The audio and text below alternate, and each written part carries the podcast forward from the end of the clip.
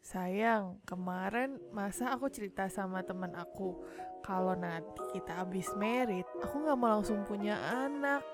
Terus aku langsung dimarahin dong, katanya nggak boleh kayak gitu.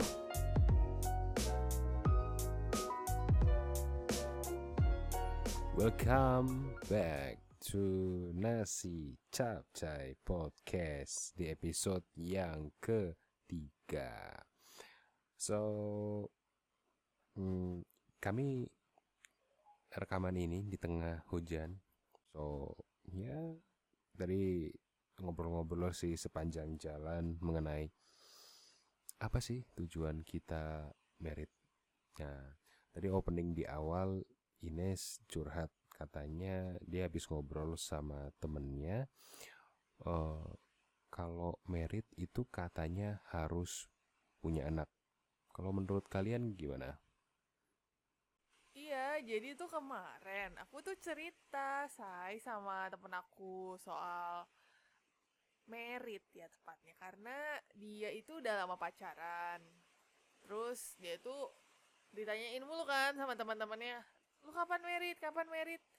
Oke, itu satu. Yang kedua, kemarin yang aku tanggepin adalah soal ya kalau merit itu punya anak lah Nah, sedangkan uh, menurut dia itu teman-temannya dia yang punya anak tuh nggak happy juga sama hidupnya dia.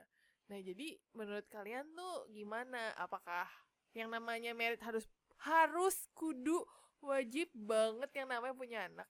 Atau sebenarnya kalian kayak gue sama Gandhi yang tipikalnya woles-woles aja kalau ada anak puji Tuhan maksudnya terserah dong kita mau punya anak apa enggak Oke, sekarang uh, eh, gue mau coba sharing ya. Kalau menurut kita berdua, sebenarnya tujuan merit itu apa? Kalau menurut kamu apa, say? Buat aku, merit itu untuk cari teman, maksudnya yang bakal ngedampingin kita sampai uh, usia tua nanti. Soalnya, oke, okay, katakanlah ada anak atau nggak ada anak bakal sama aja. Sekarang kalau ada anak juga mereka yang nanti akan menikah juga nggak tinggal sama kita lagi. Nggak ada anak pun ya juga berdua bersama kan sama pasangan kan. Saya tapi kayaknya jawaban kamu terlalu klise loh. Maksudnya kenyataannya di lapangan kayak aku udah cerita di awal tadi kalau temen aku aja dinyinyirin sama temen kantornya soal kalau nikah itu harus punya anak. Dan memang kenyataannya sama tante aku juga dibilang gitu ya kalau nikah ya punya anak. Dalam hati aku emangnya kita nggak boleh menentukan tujuan hidup kita masing-masing? Kan anggapannya tujuan kalian nikah tuh apa? Apakah kalian memang mau punya anak atau kalian mau hidup berdua berpasangan dan akhirnya bisa saling menemani dalam suka dan duka kan intinya sebenarnya itu bukan nikah itu punya anak ya nggak sih? Itu sih menurut aku loh ya. Dan yang uh, terjadi juga kenyataannya ya banyak banget ibu-ibu aku nggak bilangin semua ibu-ibu tapi ada beberapa ibu-ibu yang uh, karena tuntutan ekonomi karena tuntutan uh, suaminya juga dia mau punya anak. Tapi misalnya e, ketika ngejagain anak itu akhirnya dia ngejagainnya nggak benar. Ya itu mungkin karena dia nggak siap secara mental juga punya buat punya anak. E, tapi juga selain itu dia juga kayak mau tetap punya me time-nya gitu loh. That's why kalau buat bersama Gandhi itu lebih suka kalau mikirnya ya karena kita masih merintis juga kita mau membesarkan usaha kita masing-masing uh, itu di video editor di video advertising. Nah kita berdua mau membesarkan usaha-usaha itu dulu baru nanti kita memikirkan punya anak bukan nikah langsung kepikiran punya anak gitu loh. Jadi ya kayak kalau punya anak ya puji Tuhan kalau misalnya belum dikasih ya kita sih santai aja gitu tapi kepikiran punya anak apa enggak ya mungkin kepikiran. Cuman itu bukan tujuan akhir kita buat menikah. Karena lebih penting lagi untuk menikah itu adalah menyamakan visi dan misi kalian itu apakah visi dan misi kalian untuk sebuah hubungan dan dalam menuju pernikahan itu udah sama ya kalian bisa cek gitu kan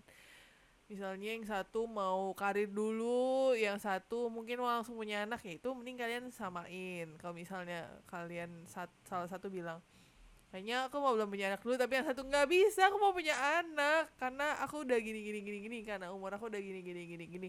Itu sih terserah kalian ya. Cuman buat gue sama Gani lebih santai dulu aja. Kalau menurut kamu kalau misalnya tuntutan dari sosial kayak gitu apa yang harus dilakukan supaya kita ini tidak dikonfrontasi, tidak dinyinyirin jawaban apa yang harus kita berikan ketika ah lu nggak mau punya anak abis merit terus kita mesti jawab apa Hal-hal seperti ini adalah hal yang subjektif. Kalau misalnya sampai punya anak kemudian jadi batu sandungan orang lain, that's big no-no. Kan ngerepotin. Nanti buat ngutang dulu buat beli uang susu, ngutang dulu buat eh, biaya ini, biaya itu.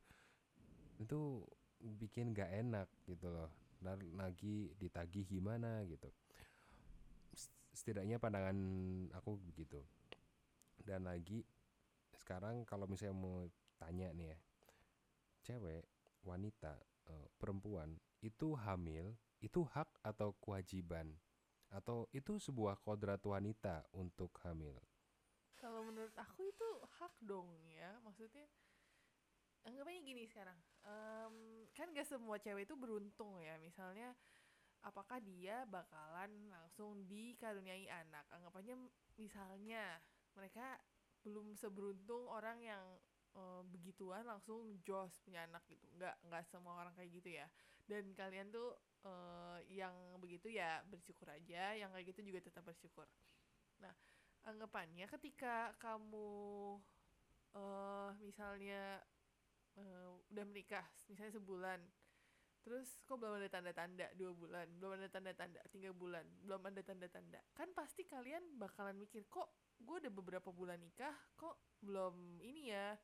Kan kalian akan apa ya langsung ke dokter gitu loh coba tanya yang ahlinya ini kenapa ya dok? Saya belum eh, hamil juga. Kan berarti di sana ada suatu eh, pilihan yang kamu pilih gitu loh. Oh bakalan punya anak ya? Kalau kamu emang pengen punya anak pasti kamu ke dokter. Tapi ketika kamu nggak punya anak ya kamu santai aja gitu. Kan berarti ya setiap cewek bisa memilih dong. Masa nggak bisa memilih gitu? Apakah dia mau punya anak apa enggak ya. Tapi balik lagi emang setiap cewek itu punya hak dan eh, punya suara gitu loh anggapannya. Kalau suami langsung bilang A eh, harus ya udah eh, iya iya aja gitu. Ya nggak gitulah. Kan kamu juga harus mikir soal misalnya kayaknya aku belum mampu sih punya anak. Misalnya kamu lagi S2 atau misalnya kamu wanita karir dan kamu baru menduduki suatu jabatan penting ya kalau menurut kamu kamu nggak eh, belum siap kenapa kamu harus say yes gitu? Kan yang namanya udah menikah kan harus bertanggung jawab atas apa yang kamu pilih loh. Kamu udah nggak bisa take back lagi.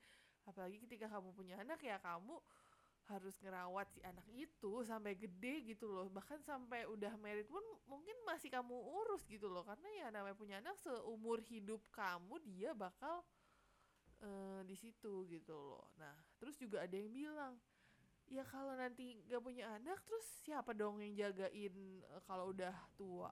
Gimana menurut kamu? Kami ada di generasi milenial. Mungkin buat generasi X itu susah untuk diterima. Ini bukannya kami mau meng- mengkonfrontasi loh. It's not. Ini hanya sharing pendapat aja oke Em, gini buat aku.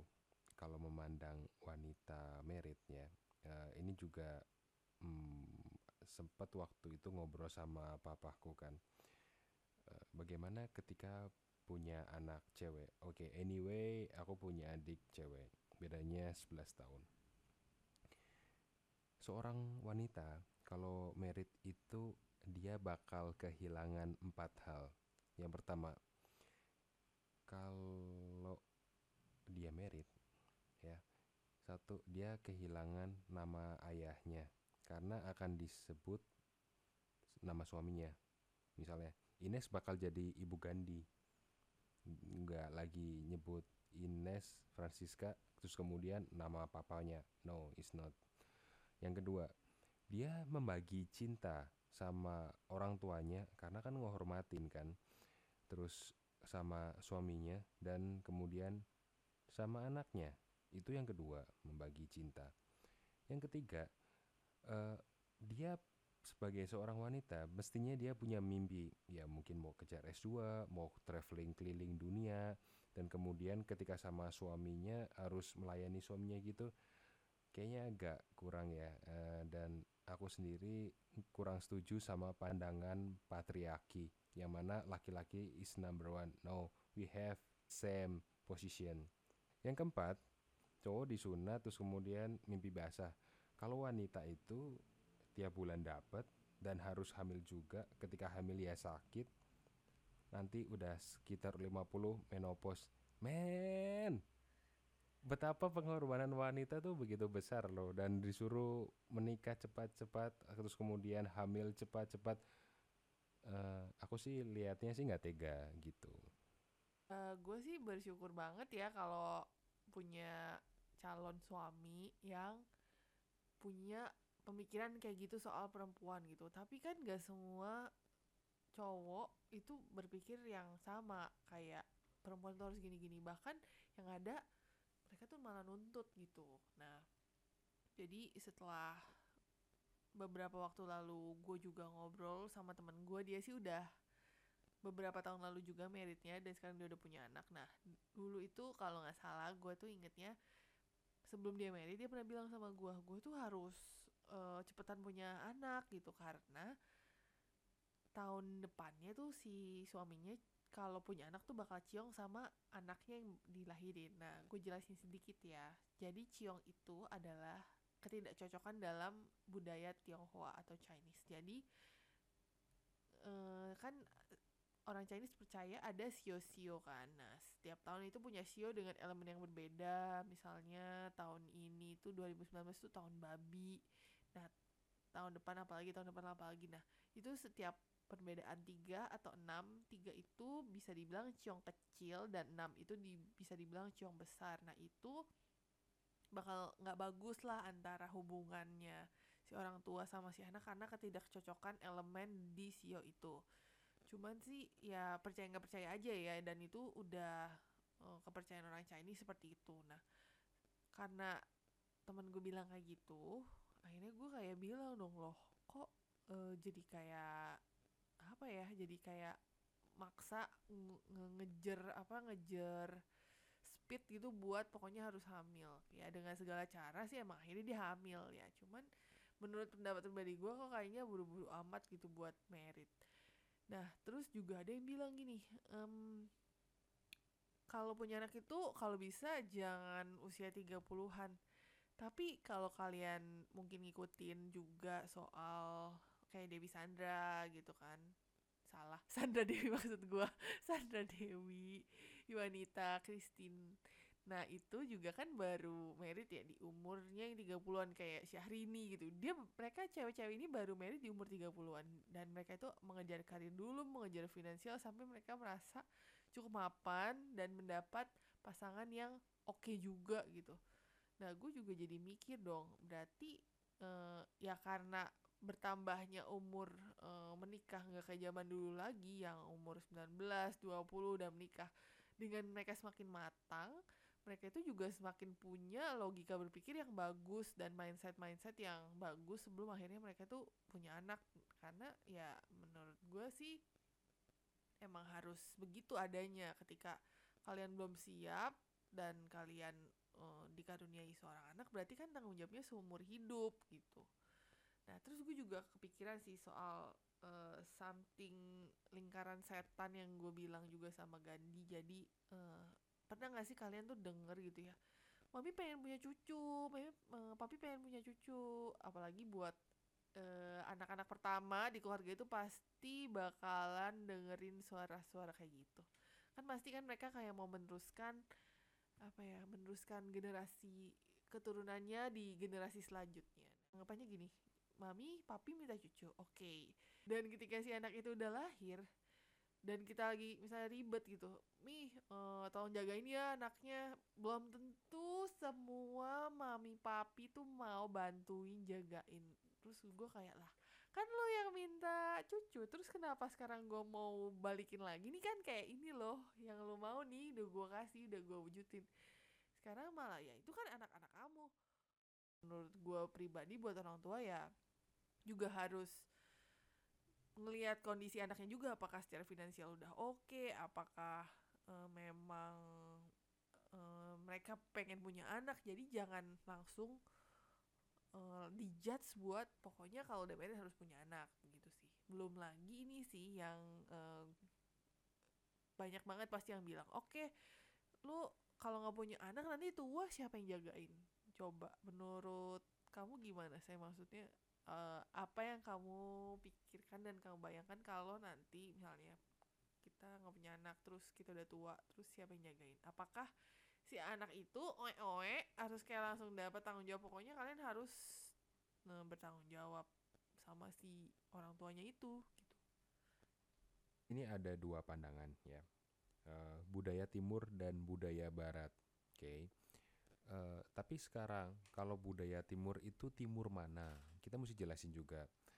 Uh, timur timur banyak loh. Misalnya timur yang ASEAN gitu kan. orang orang-orang Asia itu uh, terbiasa kalau misal punya anak, oh tuanya nanti berarti ada tanggung jawab untuk jagain orang tua. Itu sebagai bentuk menghormati. Namun kalau orang Barat itu nggak gitu. Kalau tua ya udah karena mereka orang barat itu ketika 17 tahun anak-anaknya udah bisa cari uang sendiri gitu dan dunia pendidikan mereka juga semua disuplai sama pemerintah kan. Nah, beda kayak di sini e, dari TK sampai mungkin kuliah masih pakai uang orang tua gitu. Dan kalau misalnya kita e, di usia 17 tahun bekerja perusahaan mana yang mau menerima gitu. Kalaupun bisa ya jadi kayak semacam SPG atau barista yang mana itu belum bisa mendomplang biaya kuliah itu sendiri. Atau kalau ya misalnya habis sekolah SMA langsung buka kerjaan itu modalnya nggak cukup buat bikin itu semua gitu. Kalau mau ngejawab semua dibawa dalam doa ya memang. Tapi kan iman tanpa berbuatan hukumnya nggak dapat apa-apa gitu. Oke, back to dua budaya tadi. Orang timur, ya kita urutin sama-sama ya, biar apple to apple. Orang timur sama uh, orang barat. Suatu ketika uh, aku pernah baca sebuah artikel ya mengenai perdebatan antara oma-oma bule sama oma-oma Asia. Gini kira-kira ceritanya oma-oma Asia itu bilang sama si bule, gila ya, anak kamu nggak ada yang perhatian sama kamu. Loh, si oma bule bilang, loh kenapa nggak perhatian? Ya itu kamu ditinggal di panti jompo, kamu nggak ngerasa gimana-gimana? Oh enggak, justru karena aku di panti jompo aku banyak temen. Daripada aku ditinggal di rumah sendirian, toh juga mereka sudah sibuk sama dunianya, mereka punya pekerjaan, mereka punya anak-anak mereka dan ya terus ngapain gitu loh. Belum lagi kalau misalnya uh, suamiku udah meninggal dia maksa aku sendiri gitu. Nah itu jawaban uh, oma bule. Terus oma bule mulai nyerang si oma Asia. Halo oma Asia. Uh, kalian suka ya uh, menderita seumur hidup ya? Dari muda udah kerja keras, kemudian harus membiayai uang sekolah anak-anak kamu, tua masih direpotin sama nimang cucu. Aduh, kalau aku jadi kamu sih nggak kuat loh, umurku pasti pendek. Ya, kira-kira gitu. Jadi mana yang benar, mana yang salah, ya itulah peribahasa lain ladang, lain belalang, lain lubuk, lain ikannya, di mana bumi dipijak, di situ langit dijunjung. Jadi nggak ada yang benar, nggak ada yang salah. Tinggal bagaimana hmm, kamu menyikapinya kayak gitu. Nah, tadi yang dibahas sama Ines mengenai the shit circle uh, untuk di Indonesia ya nggak sepenuhnya harus nyalahin orang tua sih tapi ya itulah memang budaya kita seperti itu gitu lanjutin uh, yang si Gandhi ceritain soal oma-oma itu dan orang tua kita dan kita it feels like sebenarnya kita itu nggak lari dari sandwich generation. I think sandwich generation sandwich generation still exist even sampai kita sekarang ini. Ya gue nggak bisa bilang apakah semua orang tua itu punya tabungan yang cukup untuk mereka pensiun gitu yang which is sebenarnya kalau dihitung-hitung orang-orang itu bekerja di umur sekitar 20-an ya 21, 22 dulu sih kalau nggak salah gue itu lulus sekitar umur 21 ya. 21 eh, lalu dia itu bekerja sampai pensiun sekitar 40 tahunan atau 40 ya 40 tahun lah kurang lebih. Mereka bekerja demi membiayai pensiun mereka yang which is cuman kayak 10 lim, ya kita nggak pernah tahu ya umur orang. Bisa 10 15 tahun sekitar 70 tahun sampai 80 tahun tergantung kesehatannya mereka dan gaya hidupnya mereka. It feels like kayaknya sebenarnya agak menyedihkan juga gitu loh dan kalau itu terjadi ya berarti kita akan melanjutkan si sandwich generation itu. Gue nggak bisa bilang gue terlahir dari keluarga yang kaya banget nggak kayak gitu. Cuman ya kalau nanti gue punya anak gue sih uh, berharap makanya si anak itu juga uh, bisa mandiri sehingga uh, sebagai orang tua kita nggak terlalu ngebiayain. Kan maunya kan gitu ya tapi secara uh, apa budaya yang tadi udah dijelasin sama Gandhi yang namanya orang Asia itu nggak bisa lepas dari yang namanya ngebiayain anak sampai kuliah S1 mungkin S2 kayak gitu.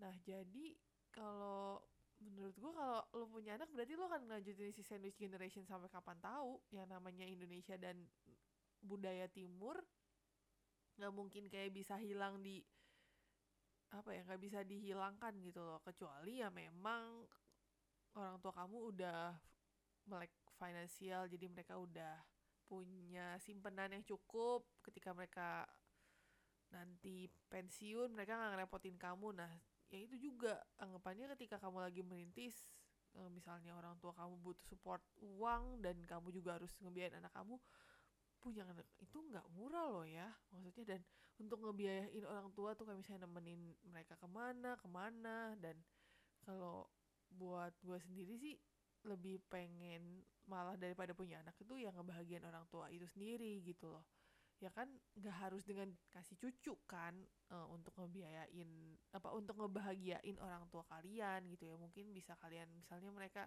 selama ini udah kerja keras mungkin ya kalian bisa ajak mereka jalan-jalan mereka bisa kamu ajak uh, ngapain ngapain gitu. Kalau uh, menurut gue sendiri sih ya harus dipertimbangkan dalam segi terutama finansial. Karena ya Indonesia itu beda banget sama bule yang namanya biaya pendidikan itu bener-bener ditanggung ya kalau orang bule. Tapi kalau orang Indo kan ya kalian tahu aja buat masuk SD SMP itu semuanya bayar sendiri. Even kalian masuk negeri nggak mungkin kalian bener-bener nol rupiah buat ngeluarin uang. Kan enggak kan kalian harus tetap bekerja berarti untuk itu. Belum lagi yang namanya biaya sekolah anak-anak tuh mm, naik ya tiap tahun sekitar sama inflasi dua kalinya kali atau tiga kali tergantung dari sekolah itu sendiri yang kamu pilih. Nah ya pokoknya banyak banget lah pertimbangan yang harus kalian pikirkan baik-baik untuk punya anak atau enggak. Jangan soal itu sih ya kalian mau enak-enaknya doang gitu. Sedangkan nanti pas ngurus anaknya malah anaknya dikasih iPad itu, aduh gue sering banget lihat belakangan ini uh, anak-anak tuh susah makan, terus akhirnya dikasih iPad uh, menurut gue itu nggak mendidik gitu loh. Jadi kan it looks like kalian tuh memang kayaknya nggak siap gitu loh buat punya anak ketika anaknya itu susah lagi tantrum lah terus kayak nyokapnya kayak ih bukan bukan anak gue bukan anak gue gitu. Ya kan hmm, please banget ya. Gue sih memang nggak gitu ngerti soal parenting tapi gue berharap kalau ketika gue punya anak gue menjadi orang tua yang benar-benar siap dan benar-benar mampu menghadapi itu semua. Ya memang sih yang ngomong tanpa perbuatan tuh nihil. Cuman yang gue bayangin sih jangan sampai gue kayak gitu gitu. Karena ketika si anaknya itu jadi ngeliatin gadget mulu kalian tuh bakal susah banget buat connect sama si anaknya. Dan akhirnya sampai gede bisa-bisa anaknya tuh kayak apa ya jadi kayak ah ngapain lah sama mama? Ujung-ujungnya cuma dikasih iPad. Maksudnya itu kan kayak hidupnya si anak itu jadi ada lukanya lah soal kenapa nggak diurusin waktu kecil kenapa ini kenapa itu. Thank you buat yang udah dengerin obrolan kami di malam hari ini. Uh, that's quite intense and ya seru banget ya kita hari ini bahasannya. Uh, sebenarnya ini sensitif sih buat uh, satu pribadi ke pribadi lain. Karena ini ngomongin soal prinsip, ngomongin soal budaya, buat teman-teman yang mau ada sharing atau pertanyaan atau ya menyatakan pendapat boleh uh, cek di description podcast kami. Di situ ada email. Nah kirim emailnya deh. Kami pasti dengan senang hati open buat uh, ngebalesin itu. Oke okay, so sekian dulu dari kami. See you di next podcast. Nasi capcay and bye bye